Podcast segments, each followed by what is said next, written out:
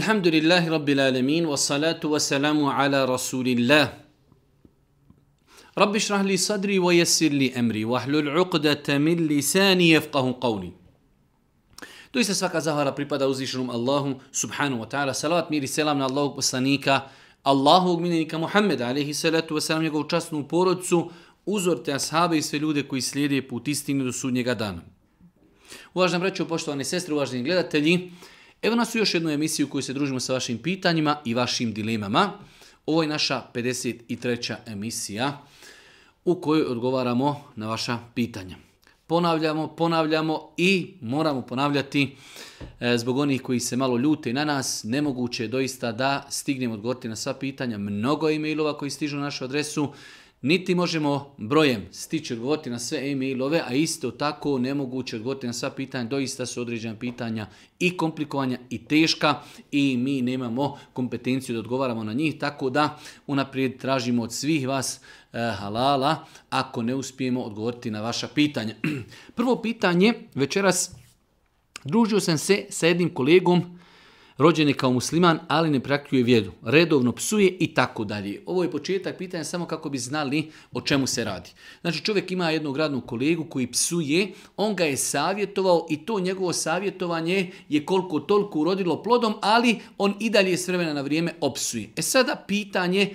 E, koji može biti kao plod došaptavanja, kaže da li ja potpadam pod kategoriju nevjernika jer e, čin koji on radi njega svrstava u kategoriju nevjernika. Pazite, znači čovjek psuje Boga, insan tu pored njega radi i savjetuje ga. Da li insan, zato što neko psuje Boga, potpada pod kategoriju nevjernika? Apsolutno ne. Allah poslanik ali se letu selam kada je govorio o grijesima kaže kada neko od vas vidi grijeh, neka reaguje. Ako može neka reaguje rukom. Prvenstveno se to misli ili na vlast ili na čovjeka u njegovoj kući. Ako ne može, kaže, neka reaguje jezikom, kao što je naš brat i reagirao. Ako ne može, neka to prezirje srcem. I to je dio imana, iako Boži poslanik kaže, ali je to najslabiji vid imana. Tako da insan, ako ima nekog radnog kolegu koji se ne ponaša kako treba, sam moment da on to srcem prezire je inšala biznila dovoljan, a s druge strane ako može reagirati, savjetovati, kritikovati, svakako da je bolje. Tako da, eh, inšala biznila, to što neko psuje, treba ga posavjetovati, treba kritikovati, ali daleko od toga da se propis toga odnosi i na osobu koja je njegov radni kolega. Na poslu kada koleginica koja ima uzrečicu kaže meni, to be jarabi, Znači, žena ima kolegincu koja kada neko nešto uradi dobro, impresivno, kaže joj ti si Bog, ne kao uradila si to dobro, toliko si savršena, to je uzrečica da kaže ti si Bog. kaže i drugima isto tako, da li moram da kažem da nisam i da negiram ili mogu samo da ignorišim to. Svakako da je dobro u ovakvim slučajima ako imamo radnu kolegu ili kolekciju koja ima određene pogrešne termine u životu da kaže vidi Allah te nagradio, to je tvoja uzrečica, ali je to neispravno. Neispravno je ljudima govoriti ako uradi nešto dobro da ne daj Bože kažemo nekome ti si Bog. Bez obzira što insan E, vjerovatno i ne misli da je to insan božanstvo, ali definitivno treba izbjegavati takve termine, tako da ono što insan može reći, ako njemu to neko rekne, da kada osjeti da je vrijeme, situacija lijepa, da kaže vidi, u datom momentu si rekao to i to nije ispravno, čuvaj se, promijeni to sa nekim drugim terminom i tako dalje. Pitanje broj tri. Smije li se tokom farz namaza na rekatu poslije fatihe učiti ajetul kursij? Znači, ajetul kursi je sastavni, bio, e, sastavni dio sure El Beqara, jedan potpun ajet. Najveličanstveni ajet u Kur'anu je ajetul kursi, kojeg mi svi kao mala djeca naučimo, najveličanstveni ajet koji govori o uzvišnom Allahu. Da li se samo jedan ajet može učiti na namazu, kao zasebna cjelina apsolutno može. Tako da ljudi koji znaju ajetul kursi mogu s vremena na vrijeme u toku svojih namaza da znači između ostalog e, kirajet što uči nakon farza mogu s vremena na vrijeme i da prouče ajetul kursi pa nekad e, kul huvalla, nekad iza džaj nekad elem terekefe, a nekad mogu da prouče i ajetul kursi, znači nakon što prouče fatihu u namazu. Tako da nema nikakve smetnje da se nakon proučene Fatihe prouči samo ajetul kursi. Čuo sam da, kad neko uči Kur'an na laptopu ili negdje u džami, da oni koji su prisutni slušaju da ne smiju da pričaju i da hodaju. Pa me zanima kakav je propis kada čovjek ili žena pusti učenje Kur'ana u kući. E, nema smetnje da insan, nema smetnje da insan koji u kući radi neke poslove, da li je na, na kompjuteru žena pere suđe ili nešto mete radi, da stavi učenje Kur'ana. Iz razloga prvo što je učenje Kur'ana samo po sebi blagoslov i beričet za kuću u kojoj se uči. S druge strane, bolje je da insan sluša učenje Kur'ana nego da sluša neku buku, da sluša ne daj Bože muziku ili nešto loše, tako da e, nije obaveza čovjek ako uči Kur'an samo sjedi i slušaj. E, imamo učenje Kur'ana, imamo slušanje. Kada mi imamo vremena da odvojimo vrijeme, sjednimo i slušamo Kur'an, to je zaseban ibadet. Ovo je učenje Kur'ana koji smo mi stavili da uči Kur'an zbog beričeta i blagoslova naše kuće, a isto tako čovjek koji često uči Kur'an, sutra kada bude učio Kur'an, ako Bog da, mnogo će mu to olakšati učenje Kur'ana. Tako da, uz Allahu pomoć nema nikakve smetnje da insan na poslu ili e, žena u kući ili, ili, znači da se stavi učenje Kur'ana bez obzira što čovjek ne sjedi i pomno sluša. Pitanje broj je pet. Učenje bismile između fatihe i suri u namazu. Negdje piše da se uči bismila, a negdje da se ne uči. I tako dalje. Znači, pitanje je da čovjek koji klanja, proučuje fatihu, nakon toga će učiti suru, da li učiti bismilu između fatihe i sure ili ne. Ispravno je da treba učiti bismilu ako učimo suru od početka. Pa primjer radi, ako čovjek, evo malo prije smo govorili o učenju ajetul kursi, pa ako bi čovjek klanjao, učimo fatihu i nakon toga hoćemo proučiti ajetul kursi. Tada nećemo učiti bismilu. Možemo kazati uzbilahim ne rađim, a i ako ne kažemo uzu, ona je uza prije fatihe dovoljna. Ali ako učimo nakon fatihe suru kulhu valla, tebe tjeda, elem tera kejfe, i tako dalje, tada je pohvalno i lijepo da proučimo Fatihu, nakon toga Bismilu, nakon toga Suru. Znači, ako učimo nakon Fatihe suru koja ide od početka kul huvallahu ahad, onda učimo bismilu. Ako učimo neku ašare, učimo neki dio suri, a ne od početka suri, tada nema potrebe da učimo bismilu. Nadam se ako Bog da, da je to jasno.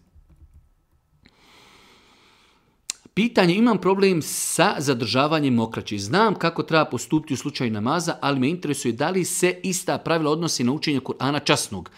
Pitanje, čovjek ima takozvani sahibe uzr, čovjek ima problema sa mokraću i zna propise kada je u pitanju namaz kako će se ponašati. Sada je pitanje da li osoba koja ima nekontrolirano isticanje mokraće ili ne može kontrolirati vjetar ili e, znači žena koja ima nekontroliran e, isticanje bijelog pranja, da li takve osobe sa abdestom kojih su uzele za namaz mogu učiti i Kur'an? Mogu. Kažu islamski učenjaci osoba koja je sahbi udhr, osoba koja ne može kontrolisati mokraću, ili ne može kontrolisati vjetar, ili ne može kontrolisati e, bijelo pranje, ili nešto drugo, e, kada uzmi abdest i klanja, može sa tim abdestom, bez obzira, znači što možda nešto i e, može nakon toga klanjati na filu i može nakon toga učiti Kur'an sve do narednog namaskog vremena. To po mišljenju da nam je uzimanje abdesta za dodirivanje mushafa obaveza. Ako smo još malo tolerantniji po mišljenju kojeg ja preferiram, da u osnovi uzimanje abdesta nije obaveza. Lijepo i pohvalno, tada nemamo nikakav problem. U svakom slučaju osobe znači, koje imaju e, problem sa mokraćom ili vjetrovima ili e, žene sa bijelim pranjem e, i želi u toku dana da uče Kur'an, ako imaju abdest s kojim su klanjali namaz, dobro i jest. Ako nemaju da uče Kur'an, e, znači i dodiruju Musaf i bez abdesta, ako Bog da, oni imaju opravdanje i nisu nikako, ni podraznu, griješni zbog toga.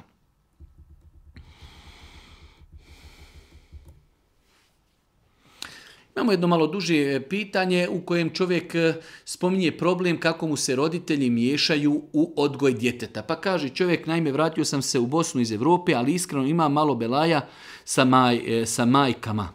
Sve nešto misli da mi ne znamo, kritikuju nas, ne dozvoljavaju da odgajamo svoje dijete koji ima pet godina. Ako šta zabranimo, odmah govori e, da zabranjujemo dijetu i tako dalje. U svakom slučaju, to je počesta pojava prisutna na našem podneblju da se djed i nana iz dobre namjere miješaju svojoj djeci u odgoj djeci. E, svakako na lijep način treba roditeljima dati do znanja e, gdje su neke granice dokle se oni mogu miješati, dokle ne mogu. Pa u nekim pitanjima nekada ih i poslušati sve dok je tu u granicama islama. Ali ako dijete opsuje, primjera radi, pa mu mi zagalamimo, a onda roditelj kaže nemoj mu galamiti. Mi kažemo izvini, ovo je moje dijete, ja ću za njega odgovarati, Allah te nagradio, ja imam obavezu da ga odgajam. Treba da mu ukažem i tako dalje. Tako da znači, e, kada su u pitanju određeni prekršaji, tada ćemo svojim roditeljima kazati Allah vas nagradio, volimo vas, poštujemo vas, vi ste naši roditelji, ali molimo vas, nemojte nam se miješati u odgoj našeg djeteta, jer jednostavno mi smo pred gospodarom odgovorni kako odgajamo svoje svoje dijete. No kada su to u pitanju možda neke druge stvarčice e, gdje su stvari muba dozvoljene, da malo ugodimo i svojim roditeljima ako Bog da neće biti e, na štetu. Tako da, znači, treba jednostavno roditeljima nekada, jednostavno nekada određena kategorija ljudi jednostavno želi da svom djetetu, svom djetetu e, nacrta i da jednostavno mu on diktira kako će odgajati svoje dijete. A jednostavno, dosta puta to su generacije koji su možda odrasle i u komunizmu, slabo išta od vjere, znaju ako ti djetu kažeš trebaš naučiti suru, trebaš ići u mejtev, nemoj ga, malehan i tako dalje. Ne, Znači, trebaju tu da se postavi pravila i da se kaže, izvinite, Allah vas nagradio, vi jeste moji roditelji, volim vas, pazim vas, ovo je moje dijete, imam obavezu pred gospodarom da odgajam svoje dijete i molim vas da mi se tu ne mišate. Tako da, e, znači, u datom momentu ako traži od nas nešto što je u osnovi halal i mubah, da tu budemo malo tolerantni ako su u pitanju određeni prekršaj gdje moramo reagirati ili odgoj djeteta na određenim e, moralnim principima. Primjer radi nekada e, ako dijete opsuje nešto, pa jednostavno nekim djedu i nani, to je slatko, lijepo, vi što lijepo psuje. Ne, roditelj treba da tu postavi crtu i kaže ne, ne može ukoriti dijete i treba njima kazati da se tu ne trebaju miješati. Muž mi je poginuo, ostala sam sa četiri time, narod mi je pomagao u novcu, taj novac prelazi nisab. Pošto nigdje ne radim, brinem se o djeci i tako dalje, da li moram davati novac na taj zekijat? Znači, imamo jednu našu sestru da je Allah pomogne u odgoju njenih jetima, ima četiri e, jetima, e, narod je pomaže novcem i ona ima svotu novca koju je dostigao nisab. Da li na takav novac treba da se izdvaja zeka Da. Znači, ako taj ni, e, novac dostigne nisab, i nakon toga bude godinu dana, nikako ne bude padao ispod nisaba, nakon što pregodini obaveza je na njega izdvojiti zekjat. Obaveza je na njega izdvojiti zekjat. To što žena ima je time nije razlog, nije razlog da se na taj novac ne daje zekjat. Znači, ako je novac u nisab, treba da ova naša sestra zapiše datum kada je dostigla nisab, nakon toga godinu dana sačeka, ako nikako novac ne bude padao ispod nisaba, kada pregodini novac treba na njega izdvojiti, treba na njega izdvojiti zekijat.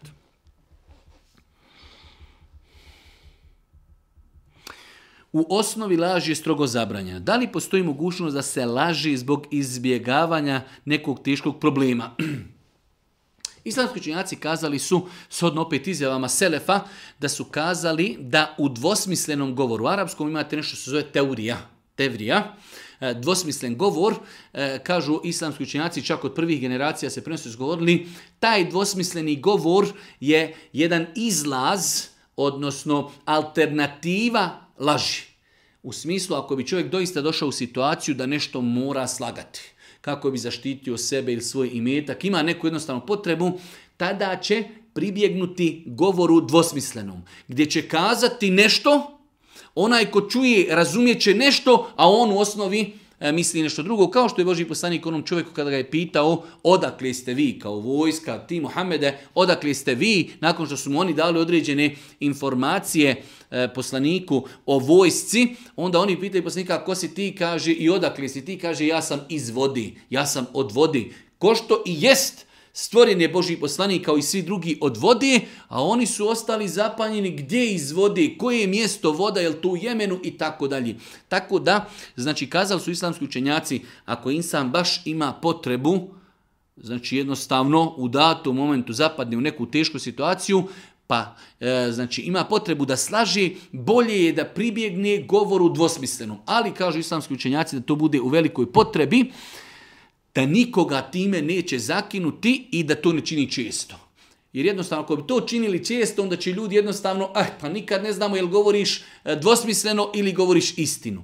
Tako da, znači, čovjek ako ima potrebu da pristupi i da koristi tevriju. Tevrija je dvosmislen govor, ako ima potrebu, ako nikog neće zakinuti i, znači, da to ne bude često. Da su to rijetke situacije, tada čovjek neće slagati, ali će kazati nešto dosmisleno.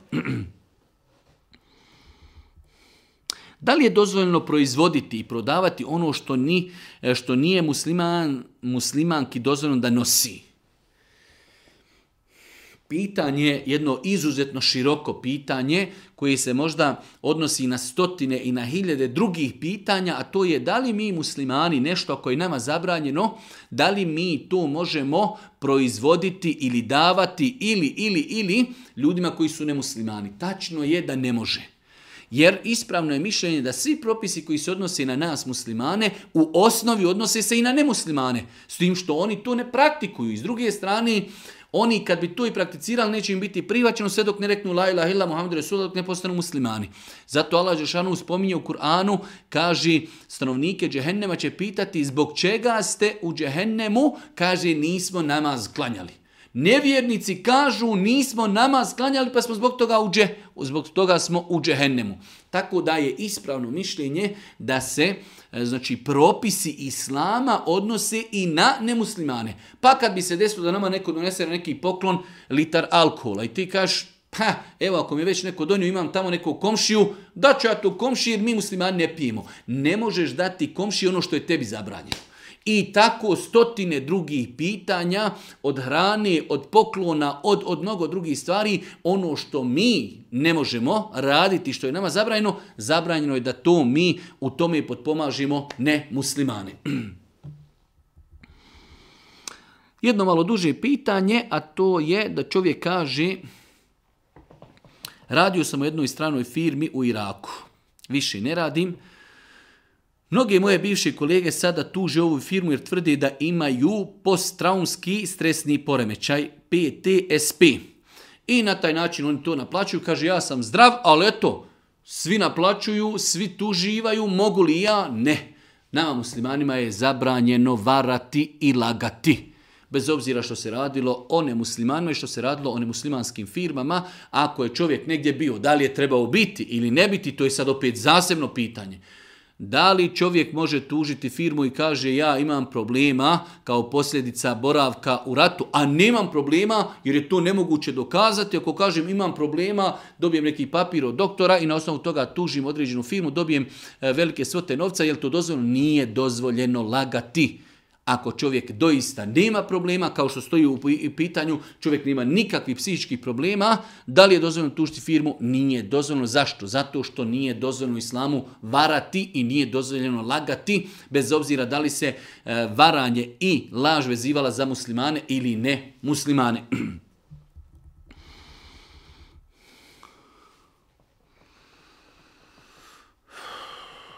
jedno pitanje, specifično pitanje, doista specifično pitanje, a to je radi se o osobi koja kaže ima dijete koji je odrasto u jednom izuzetno lijepom islamskom ambijentu, E, čak šta više u jednom izuzetno dobrom ambijentu gdje majka odgaja dijete, gdje dijete e, znači, e, ne ide u vrtić i tako dalje, vjerski ambijent, ali dijete jednostavno u datom momentu kada čuje ezan ili nešto počne da psuje čak do te mjere da su to nepoznati termini i toj ženi i toj porodci općento.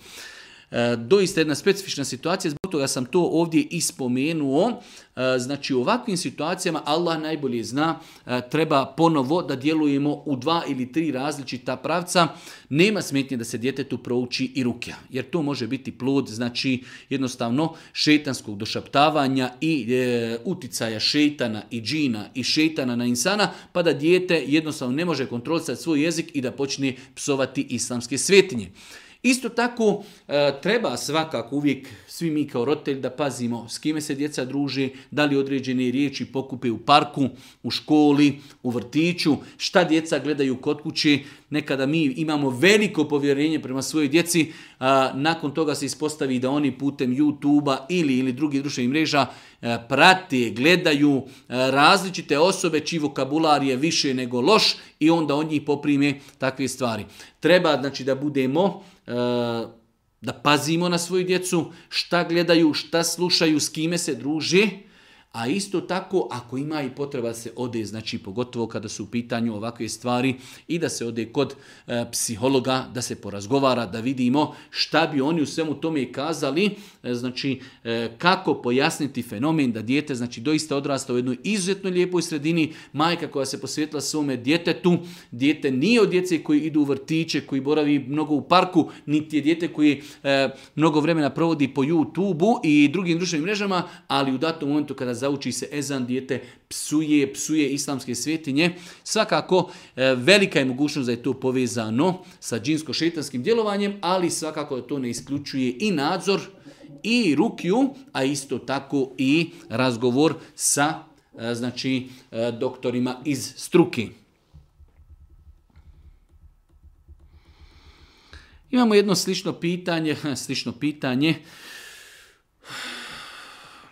ime mi je tako i tako, prije tačno godinu dana sam prešla u islam. Htjela sam da vas pitam da li je moguće da se vi, e, vi e, u svakom slučaju e, osoba je primila islam prije godinu dana i sada jednostavno ima, ima depresiju, anksioznost, pritisak, boji se leći spavati i tako dalje. Što je u jednu ruku, što je u jednu ruku i, i neću da kažem normalno, ali može se desiti čovjeku koji je rođen kao musliman da ima takve stvari, a kamoli e, za osobu koja je tek primila islam, ima tu sigurno pritisaka društva, pritisaka rodbine, prije, prijatelja i to jednostavno ostavi traga na insana. S druge strane, insan koji tek privata vjeru, E, ako u početku e, ne nauči zaštitu, zikrove, namaz i tako dalje, može, može i on biti e, izložen džinsko-šetanskom djelovanju, a nekada nekom može biti zlonamiran, pa takvoj osobi zato što je primila islam da napravi neki, neki džinsko-šetanski, ajde da kažemo, E, neko, neko džinsko šetansko djelovanje, sihir i tako dalje, crnu magiju, tako da e, i u ovakvim slučajima čovjek šta može uraditi? Može otići kod osobe koja ispravno uči rukju, da ode da vidi ima li kakve reakcije, isto tako e, znači odlazak kod medicinski stručnih osoba na razgovor, na pretrage, e, na kraju krajeva društveni aktivizam, druženje sa ljudima, razgovor, e, učenje Kur'ana, učenje dove sve su to stvari koje na kraju krajeva svi mi radimo i svi se trudimo, svi mi manje ili više imamo nekih problema, ali jednostavno čovjek mora da se nosi sa tim problemima u svakodnevnom životu.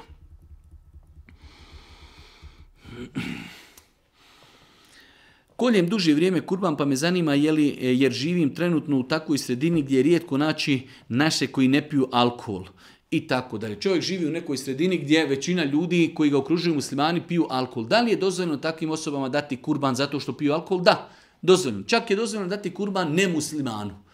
Znači čovjek je zaklao kurban, živi u sredini gdje ima i muslimana i nemuslimana, nema smetnje čovjek komad mesa odnese svome komšiji, nemuslimanu i kaže, e ovo je kurban, mi danas koljemo kurbane, počastite se vi i vaša porodica. Tako ako je dozvoljeno kurban dati nemuslimanu, onda dati i muslimanu koji, ne daj Bože, ostavlja namaz ili psuje ili konzumira alkohol ili nešto slično, to mi ako Bog da e, je ispravno, jer u osnovi te dvije stvari nemaju, hajde da kažemo, neku uzročno posljedičnu vezu. Ako bi gledali da ne dajemo kurban osim nekome ko nema grijeha, onda bi to bio veliki, veliki problem. Tako da, insan ako živi u takvom podneblju, inšala bizna, nema ništa sporno u tome da svoj kurban dadne i osobama za koje zna da konzumiraju alkoholu.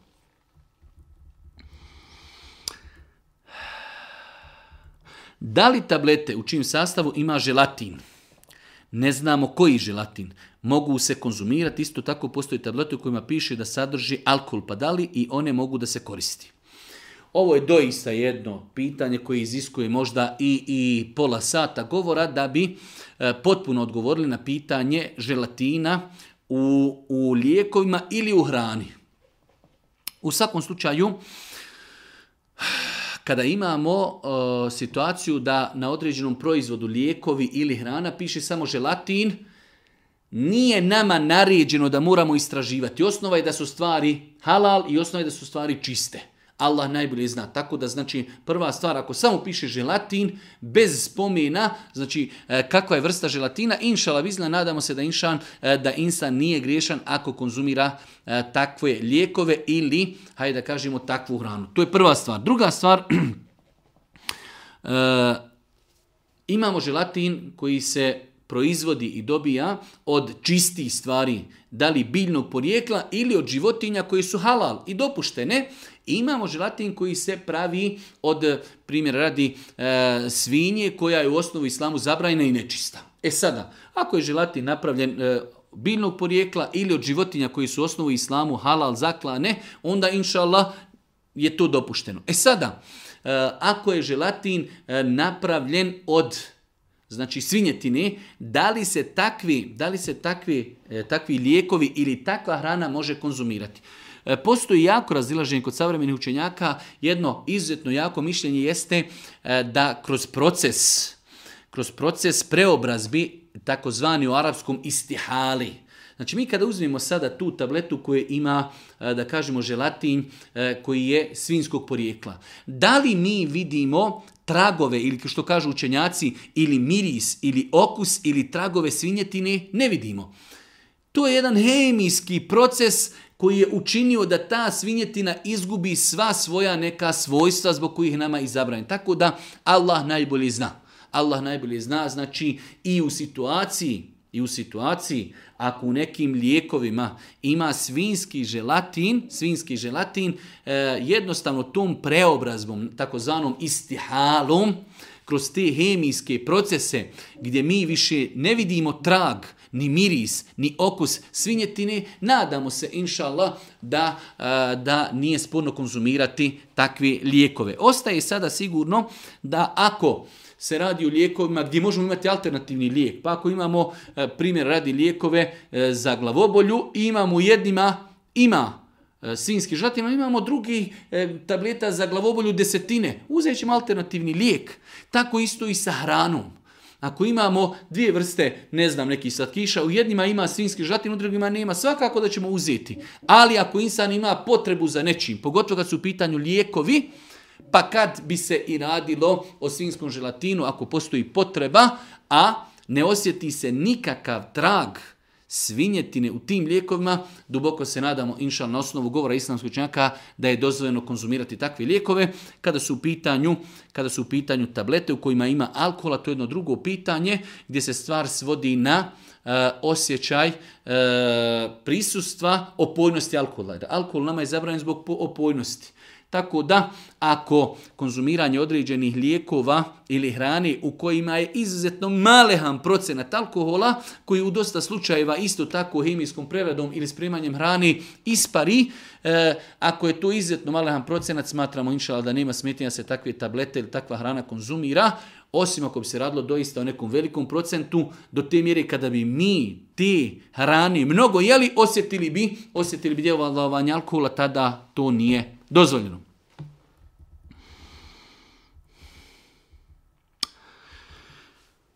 Na internetu sam pročitao da postoji salatul hađe, namaz u kojem se mogu reći svoje želje Allahu Đelešanu. Da li je isti namaz opisan u nekim rodosnim hadisma i tako dalje. U svakom slučaju, e, namaz za potrebe, namaz za želje, salatul hađe. E, opet, da bi detaljno odgovorili na ovo pitanje, trebalo vam sigurno neki 15-20 minuta, ali ono što možemo kazati e, da generalno Znači, više predaja ukazuje da čovjek ako ima neku potrebu, nema smijeti da klanja dva rekiata i nakon toga da u, nakon ta dva rekiata, da li će prije selama i nakon selama podići ruke ili na seždi, moliti Allah Đelešanhu da mu podari ono što mu je potrebno, inšalu u tome nema nikakve smjetnje. U osnovi svaki namaz može biti namaz za želje. Mi u svakom namazu na seždi možemo tražiti od gospodara ono što nam treba. Ali evo, ako hoćemo nešto posebno, posebno, evo, klanjamo dva rekiata na file, obične file, kao što se klanjaju sabarski sunneti, i prije selama ili poslije selama, nakon što predamo selam, podignemo ruke i od Allaha, gospodara zemlje i nebesa, tražimo ono što nam treba ili dok smo na seždi tražimo ono što nam treba.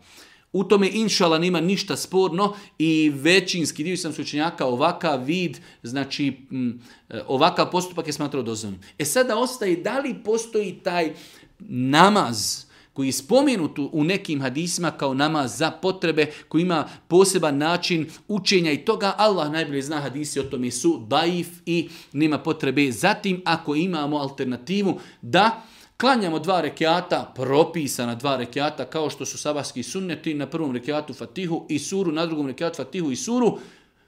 Na seždi tražimo od gospodara ono što nam je potrebno ili kada predamo selam, tražimo od gospodara, podignemo svoje ruke i tražimo od gospodara ono što nam je potrebno. Tako da, poseban namaz, poseban, na način posebnog učenja i poseban, e, znači, kroz sve postupke, Allah najbolje zna, nije propisan.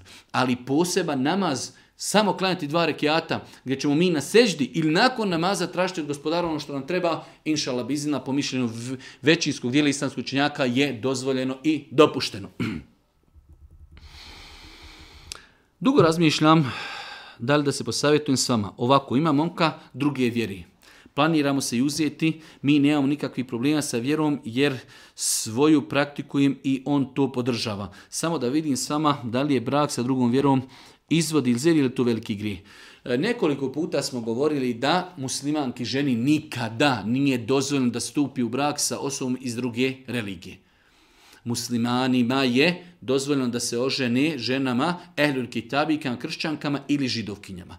Sve druge religije mimo ove dvije znači nije dozvoljeno. I to pod uvjetom da su te žene moralne i čestite. Kada su u pitanju muslimanke, njima, njima nikada nije dozvoljeno da se udaju za nemuslimane. Znači po konsenzusu sam tako da žena koja se uda za nemuslimana čini ogroman velik grijeh. Ona ostaje u granicama muslimana, ostaje u granici islama, ali čini ogroman grije. Znači, svaki intimni kontakt se smatra sa u toj vezi smatra se bludom i nemoralom. Pa koliko dugo bude živjela, toliko dugo i čini nemoral. Tako da e, svakako ili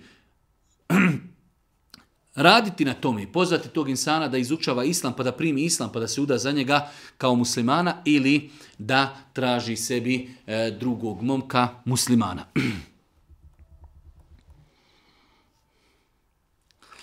E, da li čovjek poslije istjerivanja sihra može upasti u depresiju ili imati psihički problema? Apsolutno da. Apsolutno da. Ne mora značiti, ali apsolutno da. Znači čovjek je bio bolestan, Imao je problema sa džinsko-šetanskim djelovanjem, sa crnom magijom, sa sihrom. Izliječio se. Da li nakon toga može on pasti u depresiju ili kao što stoju neke manje psihičke probleme? Apsolutno da. Pogotovo ljudi koji su godinama imali problema sa tim e, djelovanjem sihra i crne magije, istroši to ljude. Da li ljudi kada se izliječi mogu imati depresiju i mogu imati psihičke probleme? Apsolutno da. Svakako ne treba da se zastrašuju ljudi. Insan kada se izliječi treba da nastavi živjeti normalnim životom, uči zikrove, uči Kur'an, klanja namaz i tako dalje. Čuva se od džina i šetana, ali može li imati posljedice? Apsolutno. Kao što zdrav insan može imati problema sa depresijom i sa psihičkim problemima, pa zamislite onda kako neko koji je možda godinama imao napade, neko koji je godinama se znači, e, borio sa džinima i sa šetanjima i nakon toga se izliječio. Ali može li imati problema? Može, ali treba te probleme rješavati, liječiti se, nositi se sa time i tako živjeti.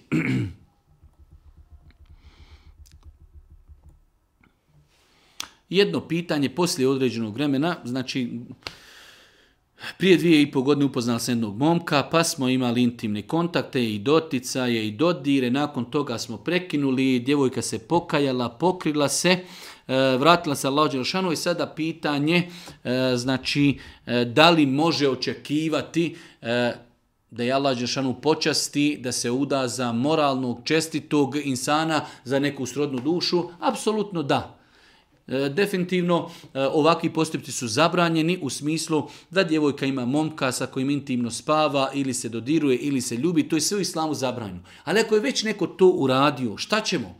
Pa kažemo pokaj se Allahu te ali neko to radi iz neznanja, neko radi e, pod pritiskom strasti, emocija, trenda i tako dalje i jednostavno insanu dođe, shvati da je to grije, da je neispravno. Šta ćemo kazati? Pokaj se Allahu, vrati se Vrati se Allah te barko ta'ala, moli Allah šanu za oprost grijeha i nadamo se uz Allah pomoć da će uzvišeni Allah primiti u pokajanje i da će toj osobi odno njenoj iskrenosti, koliko bude iskrena, i podariti, podariti osobu koja će razumjeti njenu situaciju i koja će, ako Bog da, potpomagati se zajedno sa njom na putu ka Allahu te barake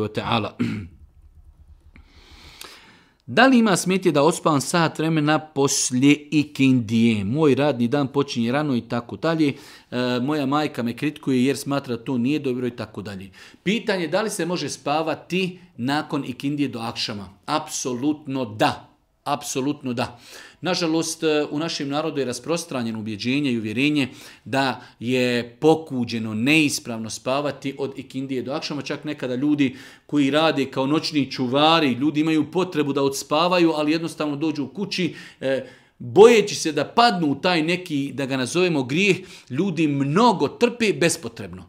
Znači, nema nikakve smetnje spavati od ikindije do akšama, pogotovo za osobe koje imaju potrebu Postoje određeni hadisi koji to zabranju, ali ti hadisi po mišljenju određenih učinjaka su apokrifni. Ne samo da su daif, apokrifni, laž na Božijeg poslanika, se letuje sam tako da na osnovu njih ne smijemo donositi propise. Laž na Božijeg poslanika je jedan od najvećih grijeha, jer insan u toj laži pripisuje vjeri i Bogu nešto što nije. Tako da, znači, treba se čuvati da ljudima nametnimo nešto što nije sastavni dio vjeri. Tako da nema nikakve smetnji da čovjek odlegne i odspava nakon ikindije, pogotovo u situacijama kada čovjek zatim ima potrebu. Duži niz godina patim za ljepotom. Ne znam zbog čega. Kada se pogledam u gledalo, nekada vidim sebe da sam lijepa, nekada da sam ružna i tako dalje i na kraju krajeva nemam više volje kada znam da mi nije Allah dao ono što volim i toliko ljudi to ima i tako dalje. Znači imamo jednu osobu koja apsolutno neispravno postupa i neispravno pristupa pitanju ljepoti. Znači jednostavno živimo mi danas u vremenu interneta, filmova, serija gdje se mnogo, mnogo pažnje posvećuje fizičkoj ljepoti ljudi. Vjernik insan treba da zna nekoliko stvari. Prva stvar, Allah je apsolutno mudar. El Hakim zna zašto je nekome dao više ljepote, nekome manje. To je jedna stvar. Druga stvar, bez obzira koliko insan bio lijep, ljepota je prolazna. Bolje je čovjeku da ima suprugu koja je manje lijepa, ali vjernica, čestita, moralna, bogobojazna, nego da bude lijepa, najljepša na zemlji, niti klanja, psuje, drogira se, varaga. Šta će od te ljepoti? Šta će od te ljepoti? Pa znači uzvišeni Allah je apsolutno pravedan, apsolutno mudar. S druge strane, pravi vrijednosti insana jeste njegov moral i njegova vjera pravi vrijednost insana jeste njegova vjera i njegov moral. Ako ove stvari ti, e, tri shvatimo, znači tada e, ljepotu koju imamo, to će biti za nas, znači, e, ajde kažemo, dovoljno i apsolutno zadovoljni sa Allahovim kaderom i Allahovom odredbom. Allah je nas nas takvi stvorio.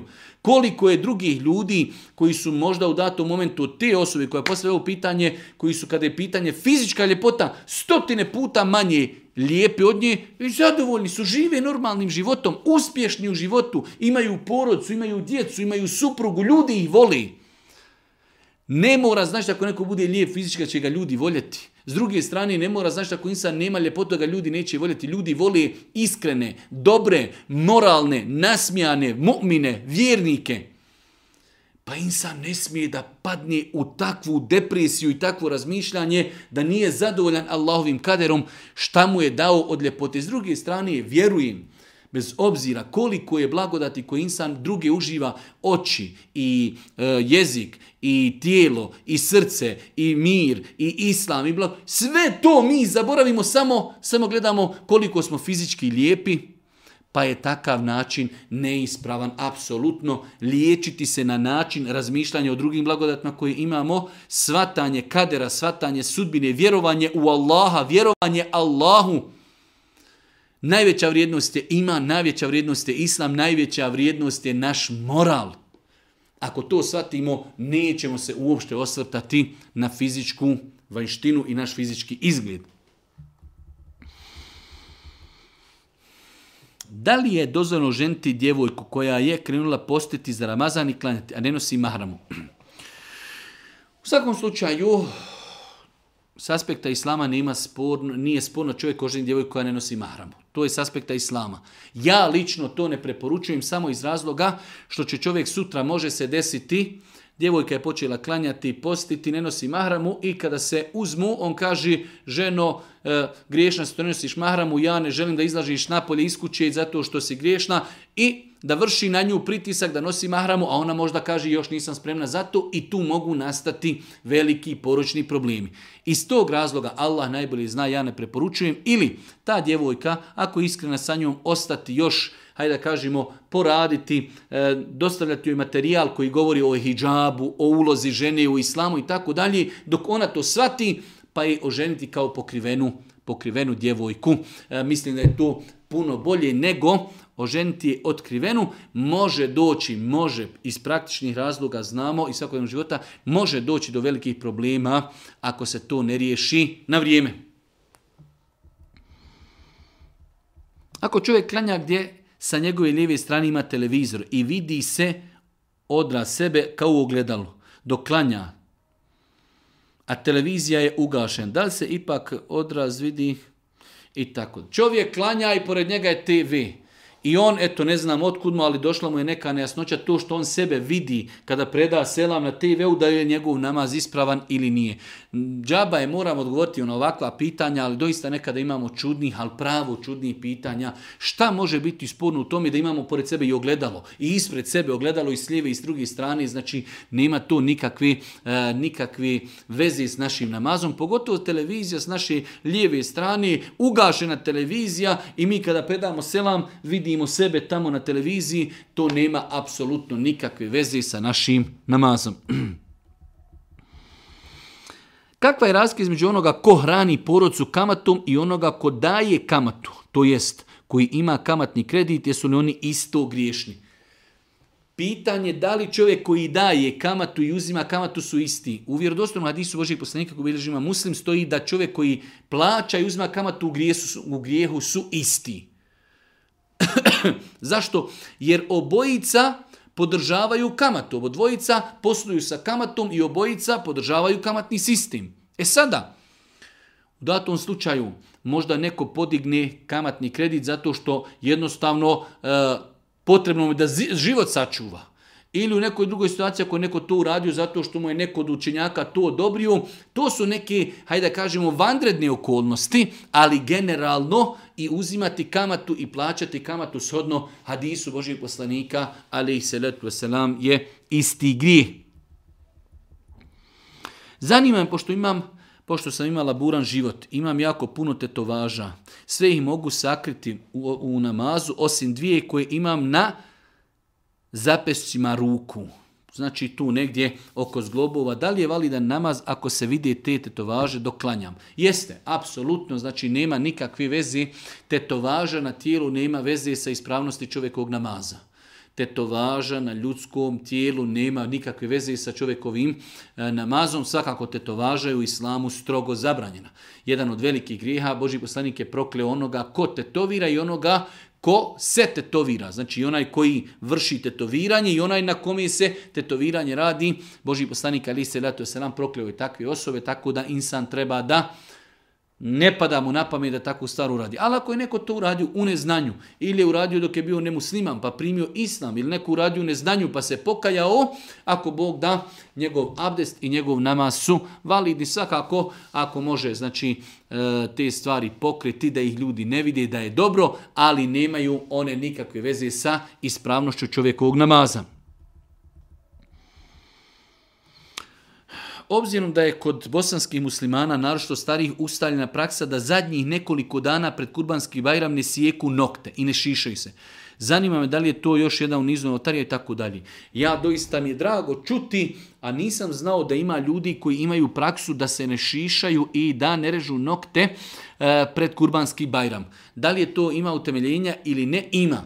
Ima. Znači imamo vjerodostojne hadise u kojima Boži poslanik kaže kada nastupi mjesec Zulhidže. Mjesec Zulhidže to je mjesec u kojem u desetom danu je dan Bajrama. Pa kaže Boži poslanik kada nastupi mjesec Zulhidže, a neko od vas namjerava ima već namjeru, kupio je kurban, da kolje kurban, neka se sustegne znači od e, šišanja, šišanje luklanjanja dlake sa tijela i kraćenja nokata. Tako da, e, drago mi je da čujem da ima ovakvih ljudi e, koji su to prakticirali možda na svoj neki način, nekoliko dana prije Bajrama, ono je tačno da početkom mjeseca, mjesec Zulhidje, znači to je mjesec u kojem bude Bajram, Deseti dan Zulhidžeta je Bajram. Pa deset dana je pohvalno i lijepo. Pohvalno i lijepo, pogotovo po mišljenju Hambelijskog mezheba, da se deset dana čovjek sustegne od tih stvari, znači kao što je šišanje kose ili, ili znači rezanje nokata. Jedna sestra nam se javila sa jednim dužim pitanjem gdje ima problema da jednostavno klanja namaz, nakon toga zaboravi da li je klanjala namaz, pa ponavlja jedan namaz po nekoliko puta. E, ja sam imao priliku da se čujem dodatno sa ovom našom sestrom, njenim problemom. U svakom slučaju, e, osnova je, ovo je osnova, da čovjek koji sumnja da li je klanjao ili nije klanjao, treba klanjati ali da bi nekada u datom momentu osobe koje imaju vesvese, da bi izbjegli ovo, jer imate ljudi koji jedan namaz pet puta klanjaju. Klanja i prođe 10 minuta, dan sam klanju, ne znam, idem klanjati. Strah Boga da ne bi propustio namaz.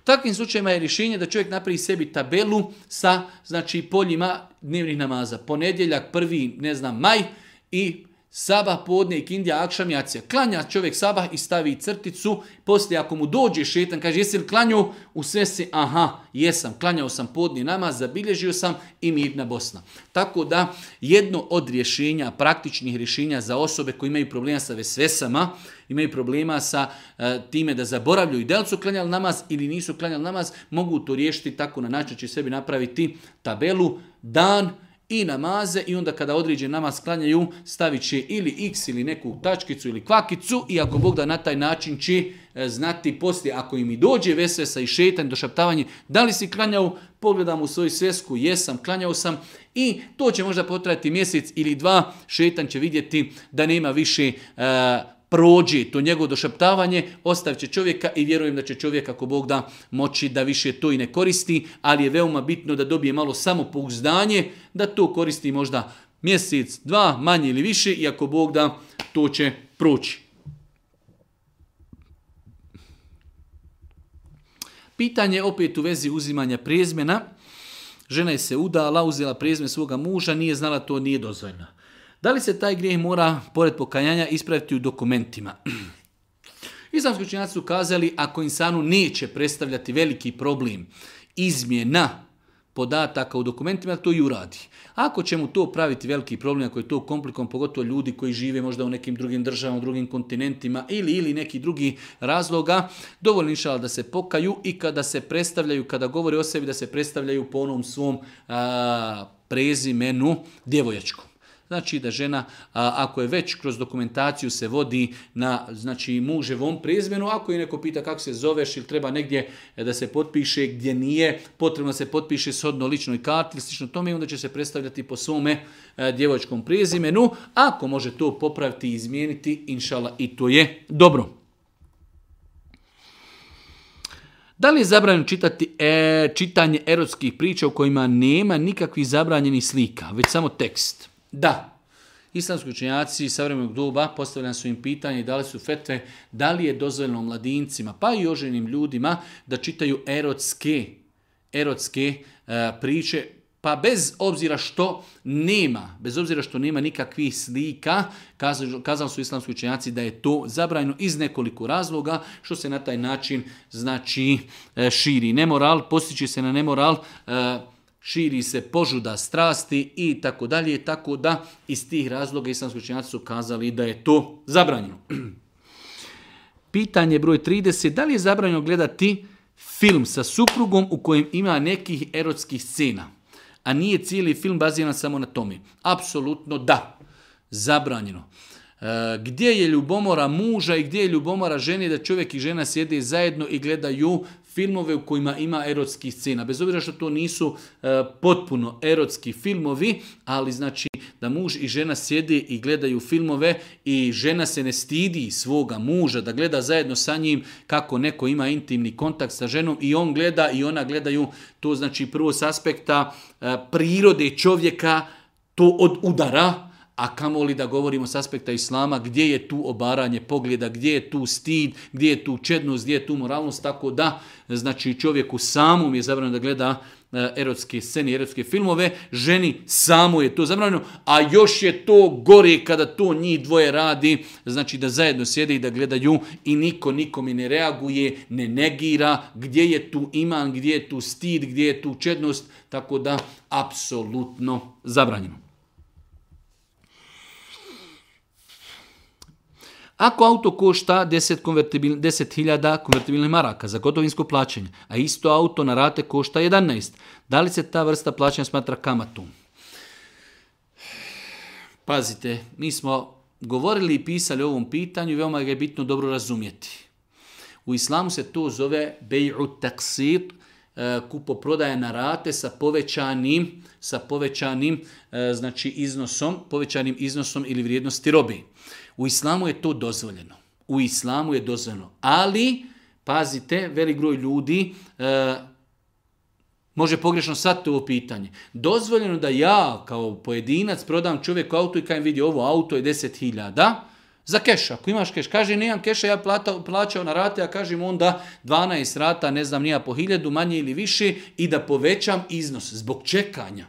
To je trgovina. Rizikujemo i ja i on. Za razliku od čovjeka koji kaže daj mi 10.000 u dug i vraću ti 12.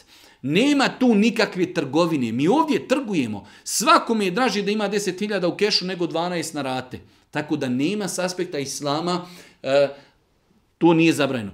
Sada, kupoprodaja kući, auta, leasing, da se upetlja treća, e, treći faktor – to je već nešto što treba detaljno analizirati. Jer u većini slučajeva ima tu stvari koje su islamom ili škakljive ili zabranjene. Ali mi govorimo o samom načinu kupoprodaje da je on u islamu dozvoljen. E sada, koliko će određena banka ili određena auto kuća ili leasing eh, uspjeti to poslovanje u okviriti u okvire islama, to mi ne znamo svako zato ko će da kupuje auto na leasing ili kuću na rate i ovako inako treba da pita svog autoriteta jel to može ili ne može. Ali generalno kada bi čovjek htjeo da privatno proda nekome da li kuću, da li auto i kaže ova kuća vrijedi 100.000 eura ako platu kešu. Ako nećeš na rate 120.000. To je u islamu dozvoljeno. Direktno. A kada ulazi tu treći faktor banka ili auto kuća ili neko drugi, onda to treba dobro otvoriti, otvoriti oči. U velikom broju slučajeva imaju stvari koje su sporne ili zabranjene islamom. 32. pitanje. Naime, učenik medrese naučen je da kada klanja namaz i uči na prvom rekiatu, primjer radi 110. suru, na drugom rekiatu mora preskočiti dvije suri i učiti 113. suru. Da li igdje ima opravdanje za to? E, nema. Nema. U islamu, znači kada čovjek, evo kako smo po brojevima, ako čovjek je učio 110. suru na prvom rekatu, može 111. suru da uči e, na drugom rekatu. Boži poslanik je znao klanjati e, akšam ili sabah, na jednom rekatu uči kule uzu felak, na drugom uči kule uzu nas. E, I tako dalje. Tako da nema, nikakve, nema nikakvog uporišta da čovjek kada uči jednu suru, po redoslijedu mushafa mora preskočiti dvije sure pa tek učiti treću, što je dodatno prvo opterećenje. Imamo dosta ljudi koji ne znaju redoslijed sura, to je opterećenje. S druge strane ne postoji nikakav dokaz, čak što više postoje dokazi da Boži poslanik nije preskakao, već je učio jednu za drugom sure koje su, koje su kako su porjedane i e, prebrojane po onako kako se nalazi danas u Mushafu, tako da Allah najbolje zna, ne poznajem dokaz koji potvrđuje ovakvu praksu.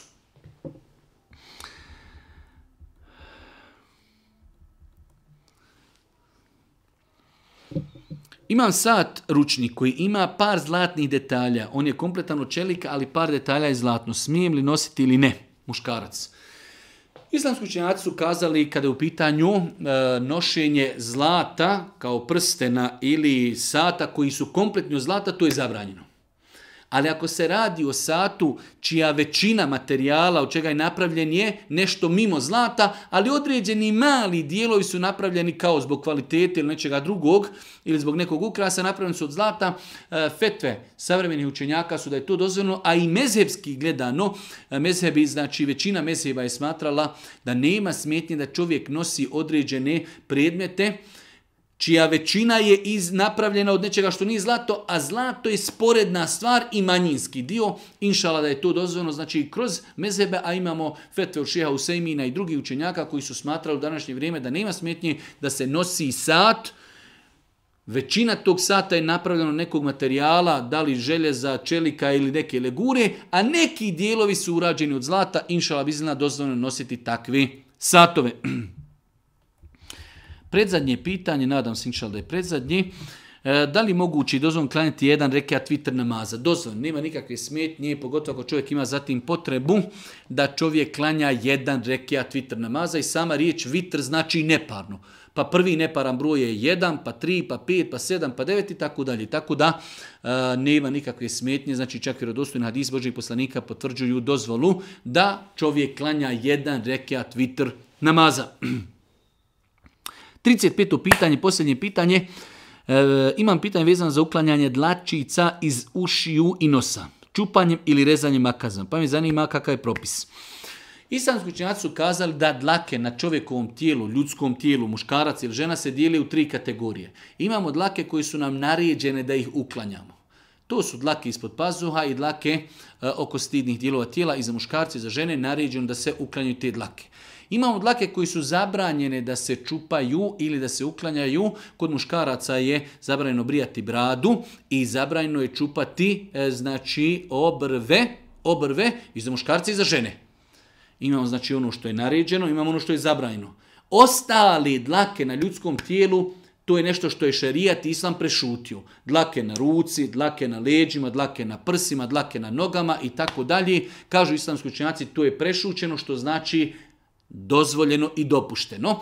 E, pod te dlakčice potpadaju dlačice u nosu i dlačice u ušima ili na ušima ili na nosu, tako da kažu islamski učenjaci nema nikakve smetnji da insan E, ili šupa, ili odreži makazama dlakičice iz nosa koje vire ili koje su počele rasti na nosu ili dlačice koje vire iz ušiju ili koje su počele rasti na ušima. Sve je to dozvoljeno, znači e, da kažemo da čovjek ukloni ili čupanjem ili ili e, znači tako što će to osjeći makazama. Allah Đelšanu molimo da nas uči na putu istina, podari korisno znanje. Na kraju, subhaneke Allahumme da bihamdike, ešedu in la ila etubu Oh.